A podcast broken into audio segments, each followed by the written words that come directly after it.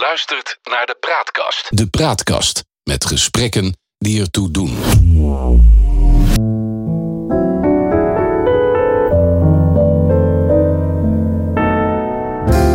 Welkom bij het Geheugenpaleis. Mijn naam is John Knerim en samen met Han van der Horst maken we deze podcast.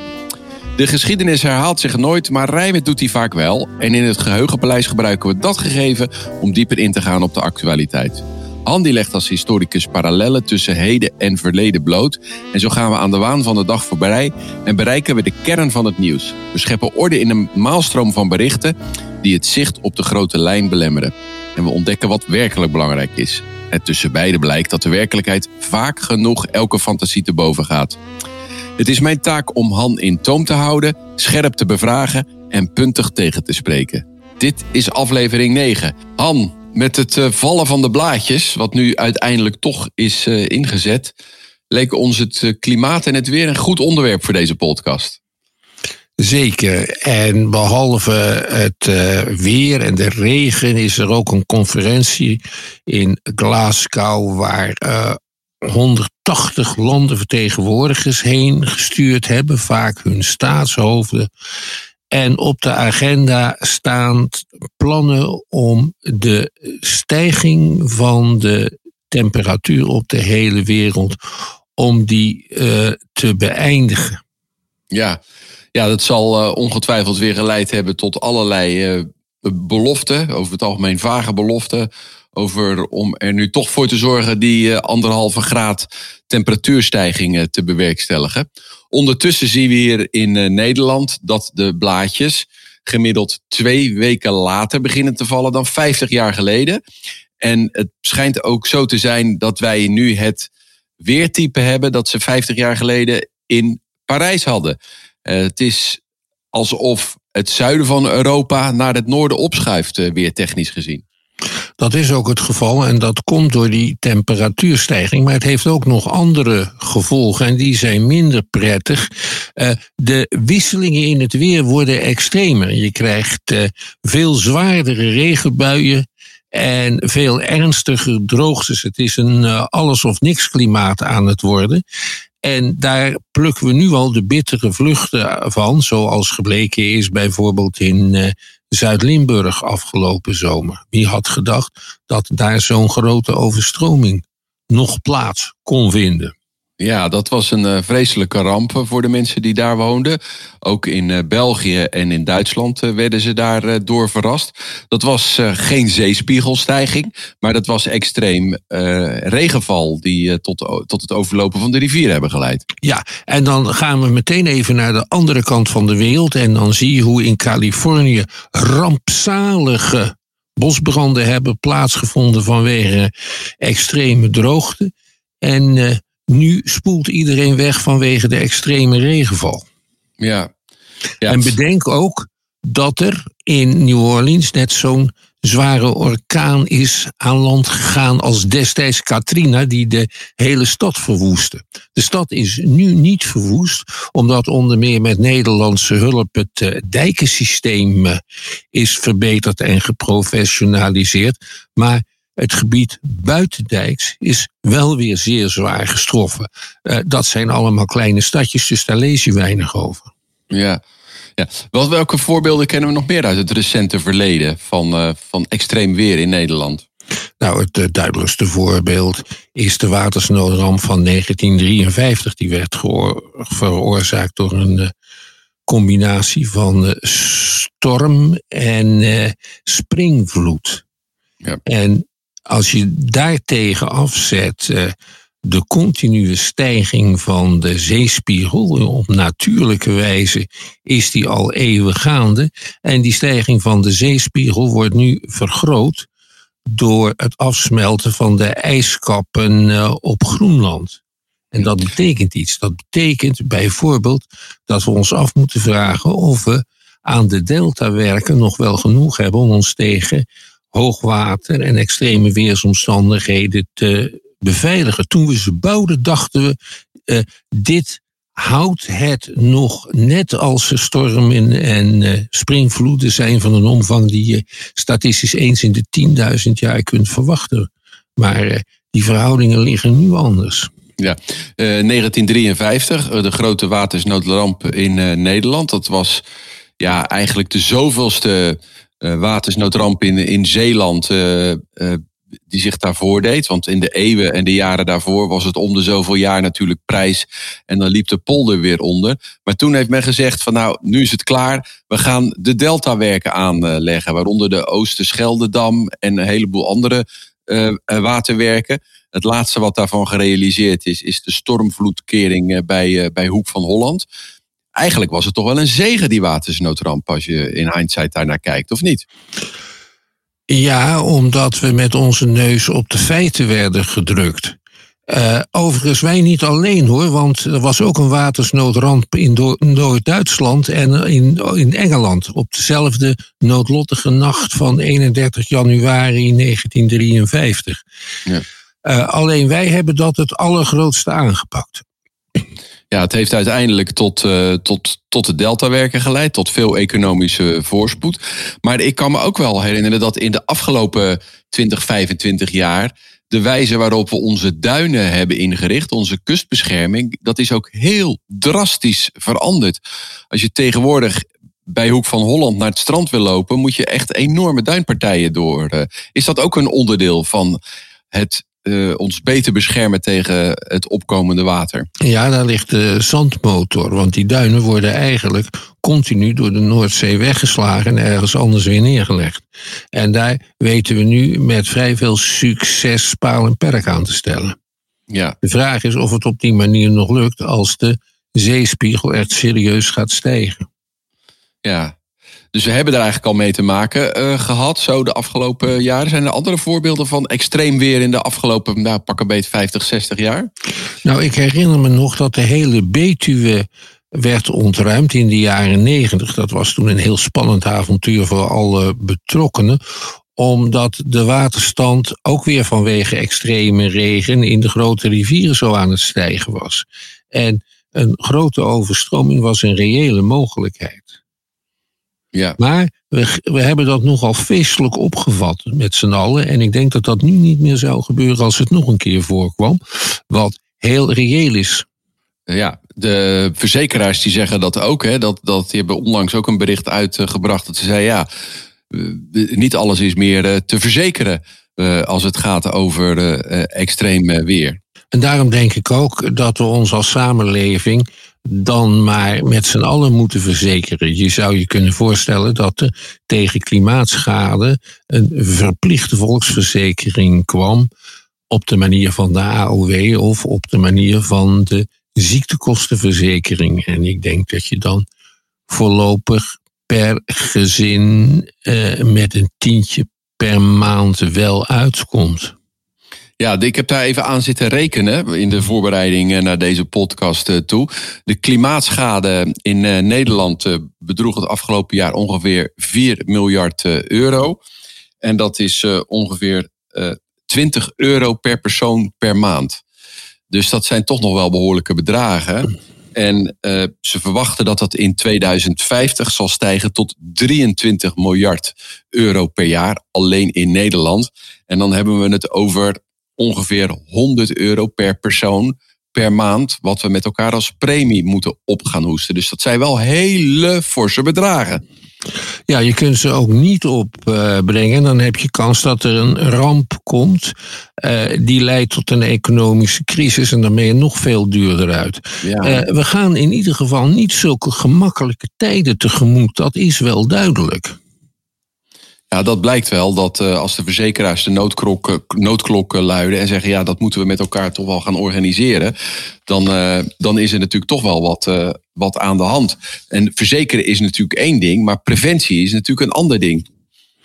En dat betekent uh, dat we op een uh, andere manier om moeten zullen gaan met uh, de manier waarop we ons tegen het water beschermen. Er zit een eindigheid aan het verhogen van dijken. we zouden wat dat betreft iets moeten beseffen. Wij gaan altijd groot in de hele wereld op onze strijd tegen het water. En daar worden we ook voor gecomplimenteerd.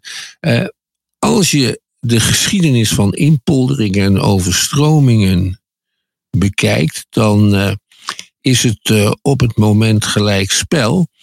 En eigenlijk is wat wij in Nederland meer doen, is tot een samenwonen komen met het water. Je moet het water de ruimte gunnen, anders pakt het water jou terug. En dan is het water machtiger dan de mens. Ook met onze technische mogelijkheden van het moment. Je ziet ook bijvoorbeeld dat er allerlei gebieden worden aangewezen. Eh, die bij nader inzien uiterwaard worden en weer onder water kunnen lopen. En je ziet ook uh, dat dat in steden en dorpen op kleine schaal gebeurt. Ik woon bijvoorbeeld vlakbij een heel leuk parkje. En uh, dat verandert nu en dan bij zware regenval voor een groot gedeelte in een moeras. En dat is ook de bedoeling. Ja. Het publiek wordt ook uh, uitgenodigd om de heel specifieke flora en fauna te gaan bekijken, die daarom eigenlijk midden in de stad tot ontwikkeling komt. Ja, zo zitten er ook andere kanten aan uh, natuurlijk. Maar goed, bij landen als, uh, als Bangladesh, wat toch wel een beetje lijkt op, op Nederland, uh, daar is natuurlijk een hele andere situatie aan de gang. die hebben te maken met veel ernstiger gevolgen van de klimaatverandering dan wij. En dat komt omdat de stormen in de golf van Bengalen toch al veel en veel zwaarder waren dan bij ons. En de Rijn is een slootje vergeleken met de grote rivieren, de Ganges en de Brahmaputra, die in Bangladesh in die golf uh, van Bengalen uitstromen. Dus ze zijn daar nu al het slachtoffer van, van groot landverlies in verband met veel meer water wat ze moeten verwerken. Um, en het is een arm land.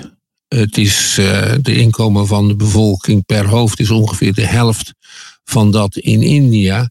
Het zijn er uh, 120 miljoen. En deltawerken zoals de onze zouden ze niet eens kunnen betalen als het al mogelijk is om de Ganges en de Brahmaputra met deltawerken te, te, eh, te temmen. Want nogmaals, de Rijn en de Maas en de Waal, dat zijn sloten. Vergeleken met wat je daar ziet. En ik ben er geweest.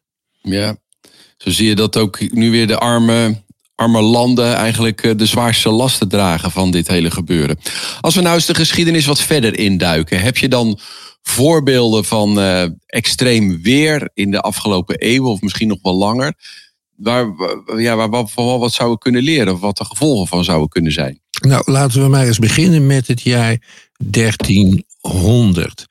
Ehm, de periode van zeg maar 700 tot 1300 was in Europa een tijd van goed en, en, en redelijk warm weer. Daardoor is zijn de oogsten gestegen, ook door bepaalde uitvindingen trouwens. De bevolking is toegenomen, is allerlei woeste gronden zijn tot ontwikkeling gebracht. En rond het jaar 1300 waren ze met de techniek van de middeleeuwen eh, nog net in staat om de hele snel gegroeide bevolking te voeden, maar niet meer. En toen werd het ineens slecht weer en kwamen er een paar misoogsten. En dat leidde van de periode 1317, ongeveer 1322, tot een verschrikkelijke hongersnood. En een structurele verslechtering van de voedingssituatie, waardoor in 1349 Europeanen nauwelijks weerstand hadden tegen de builenpest. Dat heeft tot zo'n sterfte geleid dat zo rond 1600 de bevolking weer op het pijl was van, uh, van 1300. En dan was ook nog de opmaat tot iets wat heet de kleine ijstijd. Hè. Je kent wel al die prachtige ijsschilderijen van Averkamp, de 17e eeuwse schilder. Het was ongelooflijk koud in die periode, die tot 1850 ongeveer duurde. In november begon het te vriezen. En dat was dan zo in maart en april pas afgelopen. We kennen die uitspraken nog van vroeger. Maart roert zijn staart en aprilletje zoet geven ons nog eenmaal een witte hoed. Dat waren heel realistische gezegdes. Ja. En waar, waar werd dat toen door veroorzaakt, die uh, veranderingen van, van het weer? Uh, door hele kleine schommelingetjes in de, um, in de omloop van de aarde rond de zon. Daar zijn ook de grote ijstijden door veroorzaakt. Ja, maar die liggen langer uh, verder van ons weg, hè? Ja, de laatste is uh, zo ongeveer 10, 12.000 jaar geleden weggaan hebben. Dat is eigenlijk geologisch gezien helemaal niet zo lang geleden. Uh, we zitten in een periode waarschijnlijk nog steeds van ijstijden en tussenijstijden. En tussenijstijden kunnen behoorlijk warm zijn en die duren dan een jaar of 20.000. Dan zijn we nu halverwege, dus op een ijstijd hopen om de klimaatveranderingen en de opwarming van de aarde tegen te gaan, dat, uh, dat heeft weinig zin. Nee. Uh, we noemden net de periode, zeg maar zo, uh, ja, tussen 1320 en 1350. Builenpest, uh, voedseltekorten. nog meer voorbeelden in de wat recentere geschiedenis? Het jaar zonder zon. Dat is het, het jaar, jaar zonder zon. Ja, 1816. Nou, dat, dat klinkt nog wel dichtbij. Dat is dat 200 jaar geleden. Nou, ja. dat, dat, op, op het eiland Sumbawa in Indonesië is toen een vulkaan ontplofte, waardoor de atmosfeer van de hele aarde vol met stofdeeltjes kwam te zitten. En de zon was vaag dat jaar. En daarna kwam er een heel koude winter en een heel natte winter. En dat leidde tot misoogsten overal ter wereld, maar ook in Europa. En in Europa heeft er als gevolg daarvan een enorme hongersnood plaatsgevonden. Uh, er kwam ook opstand van. En dat leidde weer tot uh, inperkingen uh, van de vrijheid door de heersers in Europa. Dat is een heel gevolgenrijke ramp is dat geweest. Helemaal vergeten. Andere voorbeelden, misschien in de wat langere, in de Romeinse tijd bijvoorbeeld? Nou, in de Romeinse tijd was Nederland een grensgebied, maar wel een grensgebied dat door de Romeinen goed werd bewaakt en dat ze belangrijk vonden. Uh, keizer Hadrianus, die is in de tweede eeuw na Christus hier op bezoek geweest. Die man was altijd op reis en dan bracht hij overal verbetering aan, want het was een knap bestuurder. Dus hij heeft in Midden-Delfland een herverkaveling van de, het land tot stand gebracht. Midden-Delfland is het gebied tussen Delft, Schiedam en uh, Vlaardingen, zodat daar uh, een succesvolle uh, landbouw kon worden bedreven met grotere oogsten. Hij heeft ook het stadje in de buurt gesteund. Dat heette Forum, dat heet nu Voorburg, dat stadje, maar heette toen Forum. En sinds de, bezoek van de keizer Forum Hadrianus een welvarend gebied, welvarend grensgebied. En dan na 200 wordt het klimaat slechter, gaat het harder regenen, stijgt de zeespiegel, komen er meer stormen, uh, houden de duinen het niet echt en dan wordt het hele gebied wordt overspoeld en raakt ontvolkt. Uh, dat hebben stammen in de omgeving buiten het Romeinse Rijk ook in de gaten, dat daar een verzwakking plaatsvindt. Er zijn nog weer andere oorzaken voor ook. En die verzwakking eh, die leidt dan weer tot allerlei invasies. Dus dat zijn de gevolgen van een klimaatverandering. En tegenwoordig wordt vermoed dat een, klimaat, een kleine klimaatverandering, eh, het hele Romeinse Rijk heeft getroffen. Zo rond het tijd van Julius Caesar, dus zeg maar de geboorte van Christus, schat men bedroeg het inwonertal van het hele Rijk 65 miljoen. En Vier eeuwen later nog maar 35 miljoen. Uh,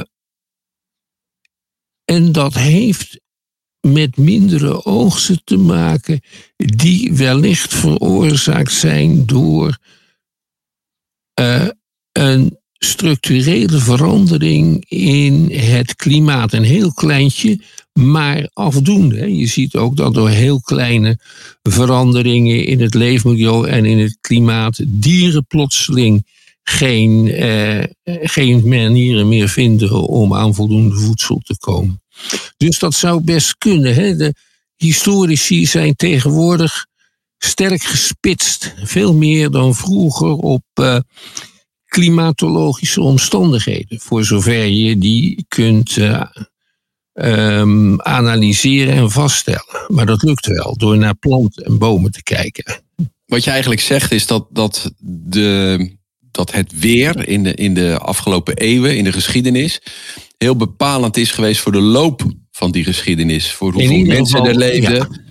In ieder geval veel bepalender dan we tot nog toe hadden gedacht. Door onze eigen huidige klimaatsores gaan we kijken naar verschijnselen in het verleden die daarop uh, lijken. Uh, de aarde is bijvoorbeeld al eens eerder, maar dan hebben we het echt over tientallen miljoenen jaren geleden, uh, getroffen door een broeikaseffect. Ongetwijfeld veroorzaakt door gigantische vulkaanuitbarstingen, die allemaal tegelijk kwamen. Toen zaten er krokodillen rond de Noordpool. Daar zijn fossielen van gevonden. Daar groeiden palmen. En de kans is groot dat het hele gebied rond de Evenaar onbewoonbaar was vanwege de hoogte van de temperaturen. En is dat dan een voorbode voor wat ons te wachten staat? Er zijn nu al grote stromen uh, van uh, mensen op gang uh, gekomen vanuit Afrika, weliswaar om andere redenen. Maar als dat gebied rond de Evenaar onbewoonbaar wordt, ja, dat gaat dan leiden tot stromen naar het noorden en het zuiden toe. Uh, nou, daar kun je donder op zeggen dat dat gebeurt. Let op, uh, er zijn al genoeg Nederlanders die zich een huisje, een tweede huisje hebben laten aansmeren in de Costa Blanca met een leuk zwembad erbij. En er dan achter komen dat ze van de gemeente dat zwembad niet met water mogen vullen. Vanwege de permanente droogte daar. Je ziet in Zuid-Spanje zie je allerlei vormen van verwoestijning. De Sahara breidt zich naar het noorden uit. En het is nu al zo dat in Afrika uh, veel mensen slachtoffer worden van, uh, van allerlei veranderingen, van ook door het klimaat mede aangedreven verslechteringen van het uh, leefmilieu. Eigenlijk denk ik dat het al een beetje begonnen is en dat de klimaatvluchtelingen er al aankomen. Ja.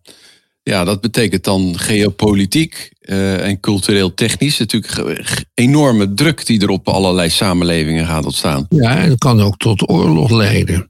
Uh, ik ben geschrokken van een stukje dat uh, deze dagen in de New York Times is verschenen, een column van Thomas Friedman. En die zei dat Reagan 40 jaar geleden aan Gorbachev vroeg tijdens uh, zijn beroemde besprekingen: uh, als uh, de Verenigde Staten door aliens wordt aangevallen, zouden jullie ons dan steunen? En Gorbachev zei vanzelfsprekend. En schrijft Friedman dan: die COVID-epidemie lijkt heel erg op een aanval door aliens. En ik weet niet of China ons nu zou steunen of Rusland ons nu zou steunen. We staan voor een grote bedreiging. Daar moeten we allemaal ons tegen verdedigen. En tegelijkertijd leidt het tot een verslechtering van de internationale verhoudingen van de grootmachten. Dus die Xi Jinping komt niet naar Glasgow. Um, dat doet Poetin ook niet. En nou ja, dat Bolsonaro is weggebleven, dat begrijpen we wel. Maar deze twee, dat is toch iets zorgelijks dat ze daar niet verschijnen. Of ze daar nou grote toezeggingen doen of niet. Ja, dus er is een wat meer ja, een, een eigen land eerst gedachte uh, in plaats van dat we dat in gezamenlijkheid oppakken. Moeten we wat dat betreft niet onze hoop vestigen op de jeugd, die toch eigenlijk het meeste belang hebben bij uh, uh, het oplossen van, van de ja, klimaatveranderingen, dat die zich over de hele wereld wat meer verenigen en tot veranderingen, uh, de politici tot veranderingen kunnen dwingen? Dat denk ik wel. Kijk, ik kan met mijn 72 jaar natuurlijk makkelijk zeggen na mij de zondvloed, maar zij niet, mijn zoon niet. Uh, en wat dat betreft is het hoopvol om te beseffen dat de wereldbevolking als zodanig heel erg jong is in uh, landen als Indonesië. Is de helft van de bevolking uh, 20 jaar of jonger. En dat is de normale verhouding. Wij in Europa zijn een uh, oude mensencontinent, maar Afrika, Azië en Zuid-Amerika zijn dat niet. Jongeren hebben veel meer belang bij en ze zijn zeer sterk in de meerderheid. Vers 2 is hoe ze uh, politieke macht verkrijgen. Dat gaat niet van de ene dag op de andere.